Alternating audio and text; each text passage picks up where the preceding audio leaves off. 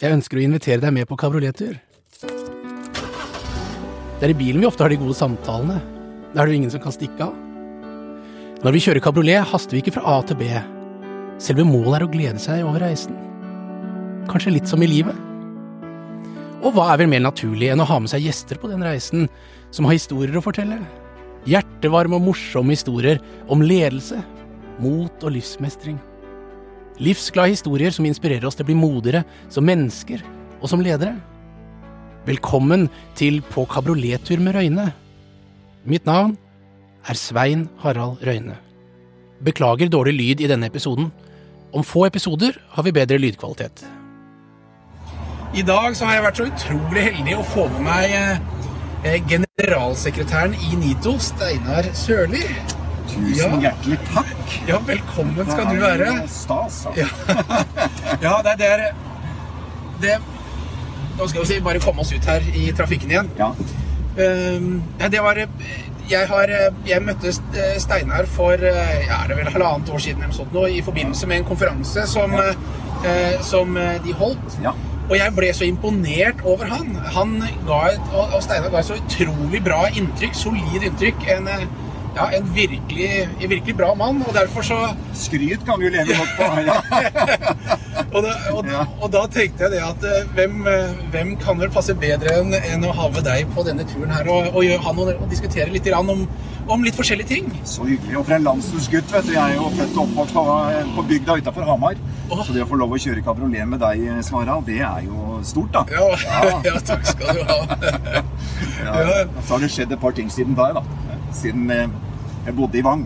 Ja, det vil jeg Ja. tro. Ja, men Kan ikke du fortelle, fortell litt grann til, eh, til Ja, seerne? Hvem, hvem er du, og hva er Nei, veldig kort. Jeg bodde jo der oppe til jeg var 17 år og dro til USA som utvekslingsstipendiat, jeg FES-stipendiat, Og ble vel veldig sånn fort klar over at det var internasjonale ting og politikk og litt sånne ting jeg var veldig interessert i.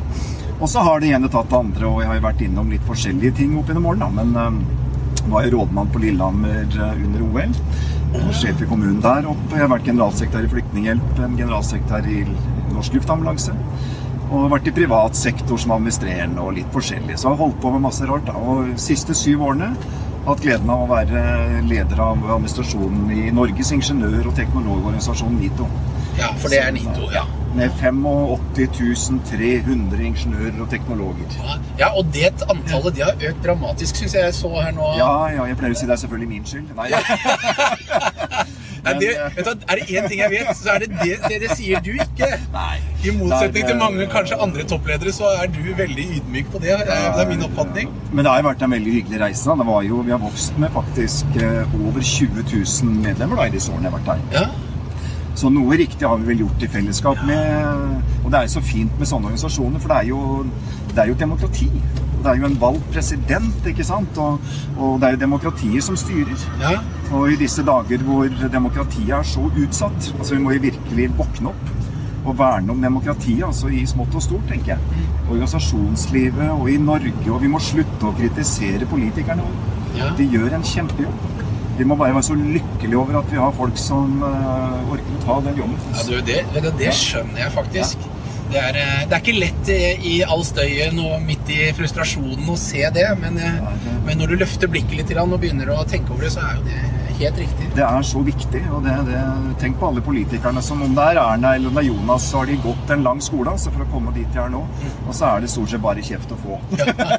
så vi bør skjerpe oss, Ja, tenker jeg. de er- de er hardhuda. Ja, de er, de er det. da. De skal tåle litt, det er ikke det. altså. Men, eh, men jeg er så opptatt av det at eh, vi er i en situasjon i Europa nå hvor, hvor eh, vi er sånn under press. altså Selv i Tyskland. Vi liker jo ikke det som skjedde under valget. Og eh, altså det å sørge for at demokratiet fungerer, det, det er- brenner jeg faktisk for. Og det, det at folk er samfunnsengasjert, da, hvis jeg først skulle si noe om meg selv, så tenker vi må alle vi må brenne for noe. Ja, ja. vet du hva, Det syns jeg er veldig gøy. Altså, det er jo så mange ting jeg vil diskutere med deg. Men eh, jeg husker du sa en gang i forhold til rekruttering Når du skulle rekruttere ledere, så, så, så har du blitt sitert på det en gang. Ja. At de lederne du rekrutterer Ja, hva var det du sa? Nei, jeg sa det at for å bli ansatt hos meg, så må du ha et samfunnsengasjement. Ja, Og det jeg gikk jo en skole på Lillehammer da jeg jobbet veldig tett med dette arrangementet som sjef i kommunen. Og det slo meg litt at uh, næringslivsledere som kom til Lillehammer den gangen, toppfolk altså, de hadde ikke noen innsikt i samfunnet de levde i. De visste jo ikke hva en fylkesmann var, de visste knapt hva et formannskap var. Og det slo meg litt ja, men det kan vi jo ikke leve med. Vi må jo faktisk kjenne samfunnsinstitusjonene.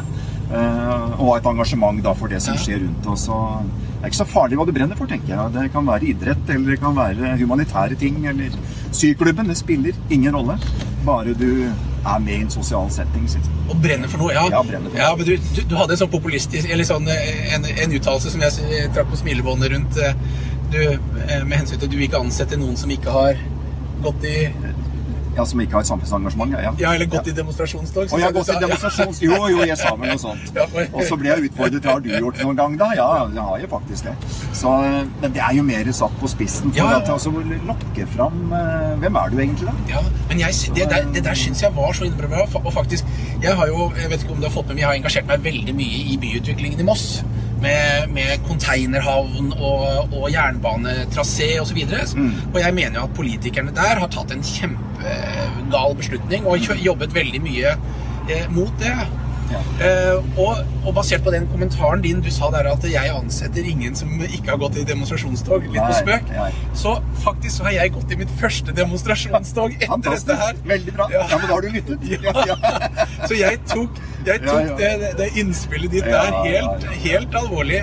Så er det jo selvfølgelig mange mange andre ting som er viktige, da. Men, eh, og du har jo virkelig gått i bresjen med å sette uh, dette med modighet, og du har tørre å stå i ting også, som jeg syns har vært så prisverdig og veldig spennende å følge. For det er jo Et lederliv er jo altså liksom knytta til mot, da. Å tørre ting og tørre å stå litt i vanskelige avgjørelser og sånn, og det er jo ikke alltid lett, det.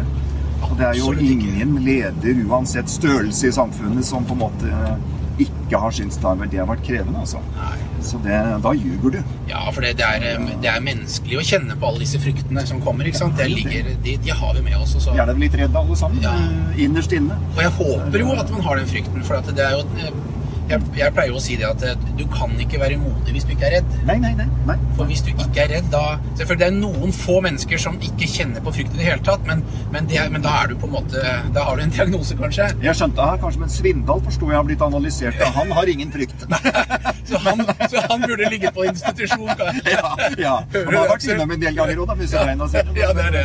Han er visst ikke redd, men Nei, er ikke. da er han sikkert veldig spesiell. Ja.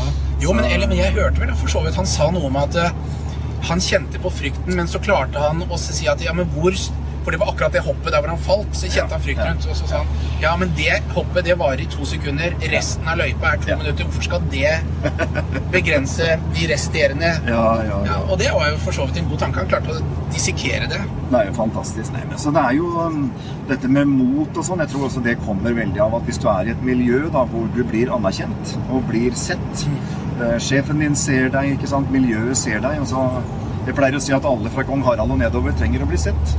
Og det, så den der anerkjennelsen, den, den, Alle må jo kjenne at den jobben du gjør, er uh, bra. da.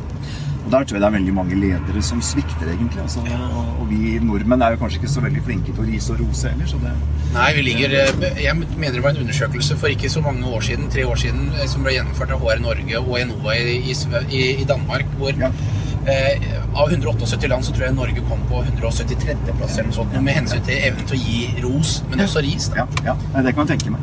Og det er veldig mange som er i arbeidslivet som hvis du flytter de fra et sted til et annet, og de får nye rammebetingelser og nye omgivelser, så fungerer de fordi de blir sett. Da. Og jeg har vært borti tilfeller i mitt liv mange ganger hvor det har vært enkeltpersoner som eh, ikke har fungert. Men ingen har stilt spørsmålet hvorfor vedkommende ikke har fungert. Nei, De har pekt finger isteden på de istedenfor mm. Så, Og litt uh, ny vanning, litt nye blomster rundt seg. Og plutselig så går det helt fint. Så, det, så omstillingssaker er i hvert fall det er veldig viktig. I utgangspunkt så tror jeg de aller fleste mennesker i hvert fall Det er min, min holdning. At de aller fleste mennesker ønsker å gjøre en god jobb. Ja, akkurat. Det er jeg helt enig i. Det, det, altså jeg har en sånn eh, livsfilosofi at inntil det motsatte er bevist, så stoler jeg veldig på mine medlemmer. Og de får ganske mye spillerom. Og, og, og, kanskje en av de aller viktigste egenskapene som leder, vil jeg tenke, er å delegere bort ansvar. Uh, og sørge for å ha bedre folk enn deg rundt deg. Og, og, så er du der som eh, koordinator og kommer inn når ting er litt vanskelig og sånn. Så, men eh, helt enig. Altså, folk er grunnleggende interessert i jobben sin, tror jeg. Ja.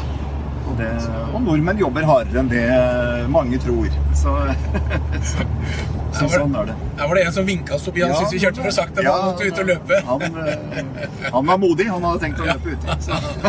Så. Nei, men, nei, men det, er, det er veldig bra. Men jeg synes også en ting som jeg syns var veldig fascinerende med, med, med, deg, det var jo at uh, du har et veldig engasjement for å få kvinner opp og frem. Ja. Og uh, Kan du fortelle litt om det? jo, jo. Det starter vel med noe så basalt som at det er 50-50 i samfunnet. Ja. Det er jo stort sett eh, likt fordelt, da. Ja. Så eh, og jeg mener jo det at en ledergruppe som da består av bare mannfolk, er jo en forferdelig dårlig ledergruppe. Eh, Den bør jo ha litt ulik alder og ulik kjønn, ikke minst. Altså, egentlig alle mine lederjobber har jeg kommet til steder hvor eh, det har nesten bare vært mannfolk. Ja. Og slik var det jo også i NITA. Så, men nå er vi faktisk seks kvinner og tre menn i min gruppe.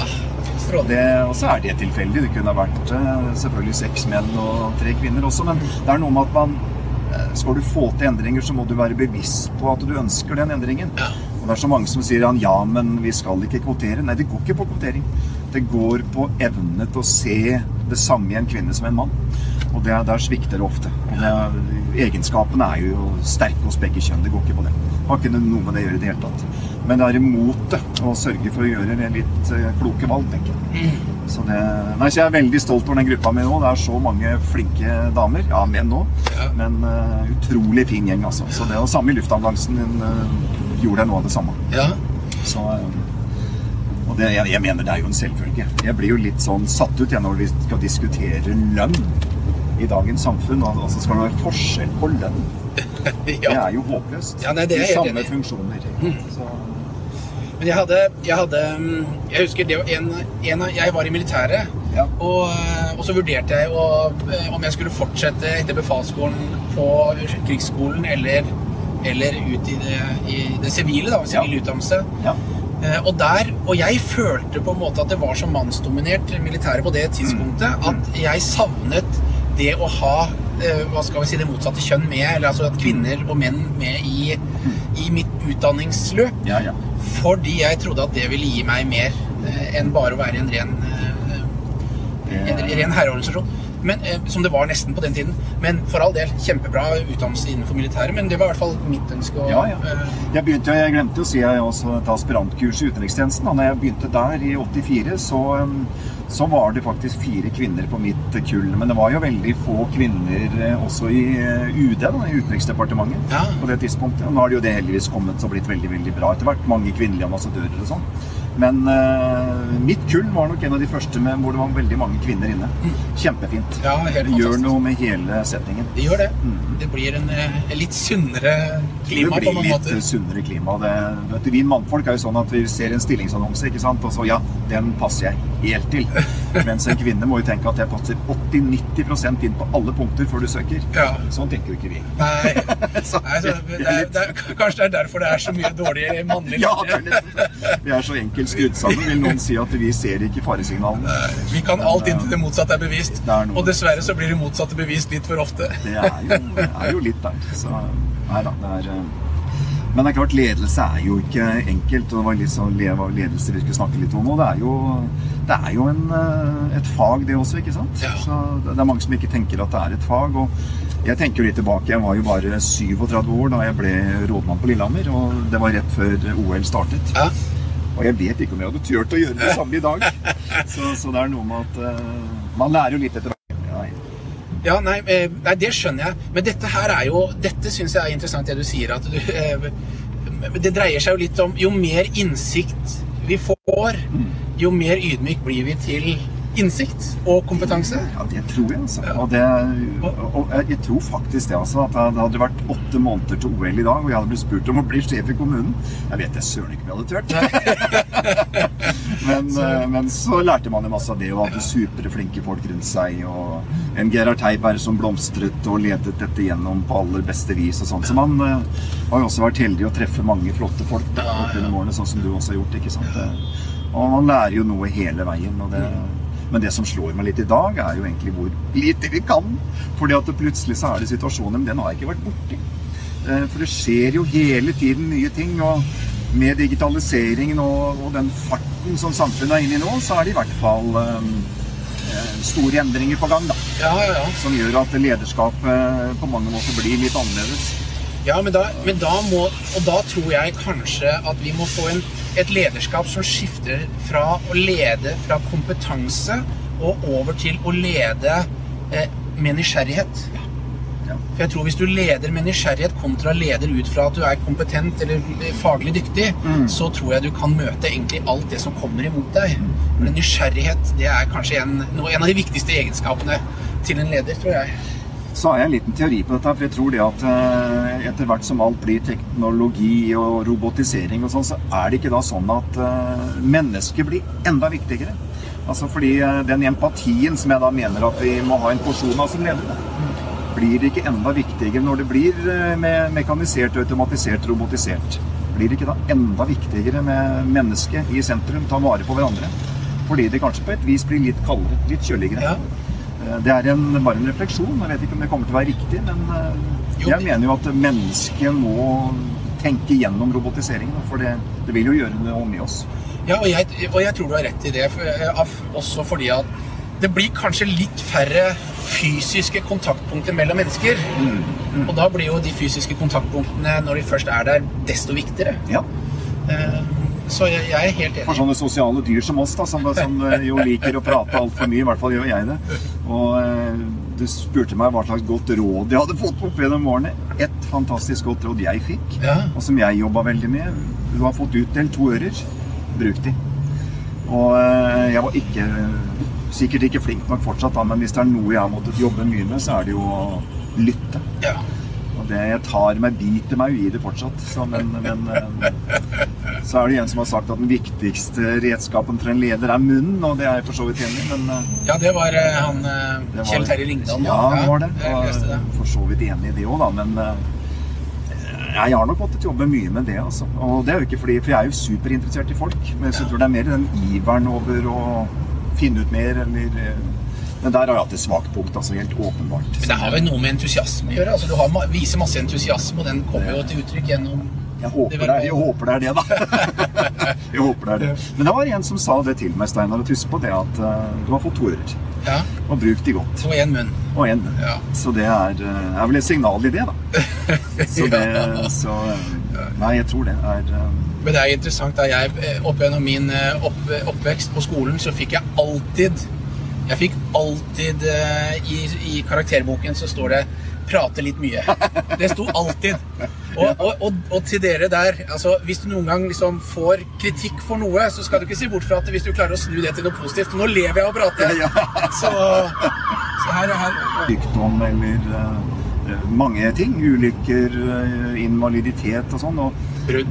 ja, så sant, ble ansatte som Altså, hvorfor sliter vedkommende? Og hvis du ikke da evner å finne ut av hvorfor vedkommende sliter, da, så har man jo et, i beste fall en utfordring. Ja. Så eh, det var en norsk toppleder som sa det at nei, men man kunne ikke komme for tett på medarbeiderne, for da ble du sosialarbeider. Og det er jo helt uenig. Altså, det er ikke da man skal leve livet til vedkommende, men du må jo forstå livet til vedkommende. Og- Og der kjenner altså For min del, jeg måtte bli 40 år, tror jeg. Kanskje enda litt eldre. Før jeg virkelig skjønte den uh, dimensjonen da. Ja, jeg, jeg, dette sa jeg for så vidt til eh, hun godeste treningsfrue, som jeg hadde Ja, glede av å ha ja, her for ja. ikke så mange dager siden. Ja. Eh, Jeg leste Du har hatt mange pene fruer her, har jeg registrert. Ja, ja så det er godt å ha et, eh, et alibi i et dag. mannlig alibi i dag. Ja. Men, men, det, det, jeg hadde lest det rett før jeg hadde eh, kjørte med henne, så leste jeg om eh, Jeg tror det var Warren Buffett som sa at eh, noen ting tar bare tid. Altså, det er ikke sånn at eh, Som han sa det, at eh, du får ikke barn eh, noe raskere frem ved at, du gir, eh, ved at du gjør ni kvinner gravide. Det tar ni måneder å få det barnet ut uansett. Ja, ja, ja. Og- det er vel kanskje litt sånn også med livsvisdom. altså Som du sier, du ble 40 år eh, før du på en måte innså og forsto det. Mm. Og det, det er vel noe som er rett og slett en modningsprosess som du kan ikke fremskynde. Vi ønsker jeg, jeg, jeg har jo alltid tenkt det selv at jeg skulle ønske jeg hadde den livsvisdommen som jeg har nå da jeg var 25 og Mm. Ja, begynte i arbeidslivet. Men, ja, men det, det får du ikke, dessverre. Nei, for jeg syns jo din historie er så sterk, og det at man liksom tør å ta noen sånne oppbrudd òg, og gjøre ting, hoppe av ting. Og jeg har jo vært i situasjoner i mitt lederliv, jeg. Altså, jeg var jo administrerende i en byggindustri med 200 ansatte. Og det var jo ikke meg, egentlig. Jeg fant ut at eh, jeg, det, det passet ikke helt meg. Det var ikke noe gærent med folka, ikke noe gærent med industrien. Ingenting. Nei. Men det var bare rett og slett at uh, settingen i det selskapet med bare menn, med veldig sånn top down ledelse, det passa ikke for meg. Nei. Så den personalpolitikken ble i mitt hode helt feil. Ja. Så jeg valgte da å gjøre noe helt annet etterpå. Og det er jeg også veldig glad for at jeg turte å ta det valget. Så eh, Men jeg syns jo det er interessant når jeg ser på de stedene du har jobbet, så har veldig mye vært eh, knyttet til et som du sier, litt sånn sosialt ansvar. Du ønsker å gjøre noe, gjøre samfunnet bedre på en eller annen måte. Så jeg kom til et punkt da i eh, si, det var i 1999, hvor jeg hadde vært i Brasil i tre år som handelsråd. Ja. Og hjulpet norsk næringsliv inn i Brasil, særlig innen olje og gass og telekom. Eh, og da hadde jeg bodd ute flere år, og har jo totalt bodd ti år i utlandet. Eh, og da måtte jeg ta et valg. Og da fikk jeg et fantastisk godt råd fra en hodejeger, anerkjent sådan, som sa Steinar, du bør bli generalsekretær i en organisasjon. Og sånn var det jeg etter hvert havnet i Flyktninghjelpen. Altså, Det var min første. Så det ligger nok et eh, slikt gen der. Det tror jeg. Men eh, så er jeg interessert i politikk og internasjonale forhold, og da syns jeg i grunnen jeg fikk i pose og sekk. ja. Så det, og det har jeg ha- hatt siden, da. Ja. Først der, og så syv, åtte år i luftambulansen, og nå syv år i NITO. Så jeg har vært fantastisk heldig. Så jeg har jeg vært veldig heldig. Så jeg har storkost med alle steder og er så privilegert. Ja. Får lov å bistå tillitsvalgte, presidenten hos oss, altså i å gjøre NITO og ingeniør- og teknologiområdet også bedre kjent i Norge. Det syns jeg er et uh, fantastisk mandat å ha fått. Ja, og, og de blir vel kanskje viktigere og viktigere med slik som utviklingen går. nå. Ingeniører trenger man Jeg tenker vi trenger masse IKT-ingeniører. Altså det er jo teknologien vi skal leve av. Ja. Så jeg, vi, jeg opplever litt at vi er litt i smørøyet om dagen jeg, i, i NITO. Så er, eh, men så må jo folk huske på å organisere seg, for det er faktisk noe med trepartsmodellen i Norge. Den vil eh, jeg appellere litt her nå siden vi har sjansen. Altså det er eh, både arbeidsgivere og det offentlige og oss i fagorganisasjonene må virkelig tenke på hvilket gull altså, vi har i Norge, som har gjort at dette har blitt så bra. Det må vi verne om selv i globalisering og uro og litt antidemokratiske bevegelser. Så har vi et skikkelig felles ansvar. Kristin Skogen Lund, Hans Christian Gabrielsen, altså Erna Solberg, alle. Eh, stå opp for denne norske modellen. Det er, eh, mange som, si, det er mange som sier jo her at eh, nå, presset på norsk arbeidsliv er, er sterkt pga. at det kommer masse andre selskaper inn og kjøper opp norske bedrifter, type amerikanske, som har en helt annen ledelseskultur og ikke forskjønner denne trepartsmodellen. Eh, og, jeg- og jeg har hele tiden hevdet at i utgangspunktet så burde det egentlig gått motsatt vei. Ja, ja. Altså Det er vår modell som burde vært innført utover i verden, for jeg tror den i utgangspunktet er framtidens ledelsesmodell. Så er det bare spørsmålet har vi lille Norge kraft nok til å klare å påvirke omverdenen slik at de hadde sett det geniale med denne modellen. ikke sant? Eh, hvor det er mye mer likhet, mindre forskjeller eh, uh, osv. Og, der syns jeg det var interessant med, med Bernie Sanders i, i, i valgkampen i USA, som, som sa egentlig 'look to Scandinavia, look to Norway'. Ja, ja, det det syns jeg var eh, veldig, veldig bra. Det er jo fantastisk. Nei, det er klart Både Telenor og Hydro og Statoil har jo alle gjort sine ting ute. Men det er jo som du sier, altså det er jo veldig vanskelig. Eh, Helt andre kulturer og sånn. Og det, det er klart eh, vanskelig å presse igjennom, men i hvert fall å gå foran et godt eksempel. Ja. Det er veldig viktig. Så. Nei, så det, det, det opptar meg veldig sterkt. At det, det, det er et gull i norsk samfunnsliv. Den, det samarbeidet på arbeidsplassen, åpne dører, tillit og respekt da, mellom eh, medarbeidere og ledere. Det, det er jo altså den der evnen til at snekker eller rørleggere eller elektriker får lov å gjøre jobben sin. Ja. eh, Og, og får fullmakten. Det, det tror jeg er så viktig. Det gjør yrkesstoltheten sterkere. Eh, Nå, nå, nå, Steinar, nå nærmer vi oss slutten. slutten. Eh, har du noe mer du gjerne vil fortelle og dele med seerne? Eh, noe, eh, enda flere Ja. tanker rundt eh, Nå har vi nå sikkert, eh, er sikkert jeg snakket altfor mye, da. Men, Nei, men nei, nei. siden du ble invitert i et så fint selskap i en så fin bil på en så vakker dag, selv om det er litt regn i lufta akkurat nå Ja, det kom noen drypp, men det gikk fint.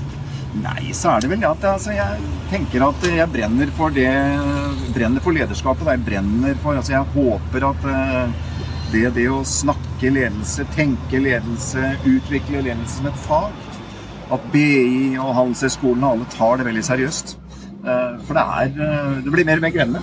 Det flatere og flatere strukturer. ikke sant? Yngre folk finner seg ikke i linja lenger. Så jeg tenker at her må man henge med i tida. og og vi som har blitt godt voksne, vi må i hvert fall skjerpe oss. Så det liksom, men, det er jo kjempemorsomt å få være med på. Altså, det er som sagt et skikkelig privilegium. Ja. Så det, det Nei, det er jeg tenker det var greit. Ja, ja, det er helt strålende. Og, det, og, og jeg tenkte jeg bare, eh, Egentlig så burde du fått det siste ordet her, men jeg, jeg, må bare, jeg tenkte bare følge opp på det og si én ting. Mm. For noe som overrasker meg, det er ledere som da forfremmer medarbeidere som ikke har vært ledere før, Mm. til ledere. Ja. Og, eh, og når jeg holder lederkurs, så spør jeg de som kommer ja, hvor lang tid tok det fra du ble forfremmet til leder, til du var på noe lederkurs. Ja. Ja. Og vet du, det, har jo, det jo, I mange tilfeller så er det mange år for noen.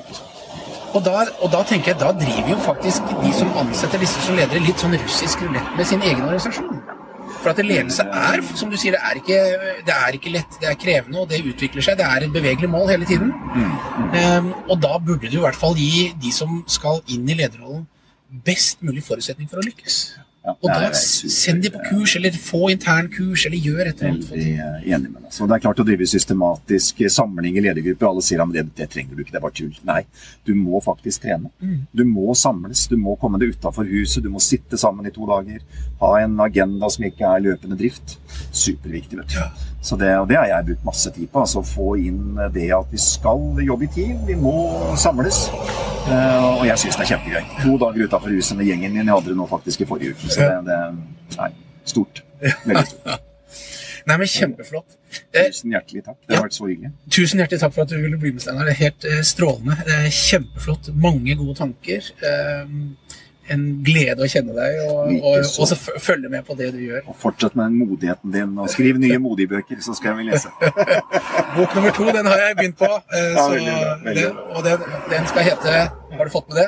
Eh, nei? Nei. Den skal hete Modigere. Oi! Ja, vi, vi Så da skjønner du at det er en Ja, trilogi ja. på gang. Ja, ja, ja! Det er en Ibsen på gang her. så. Alle episodene ble også filmet. Hvis du har lyst til å se videoene, finner du de og meg på sveinharaldrøyne.com.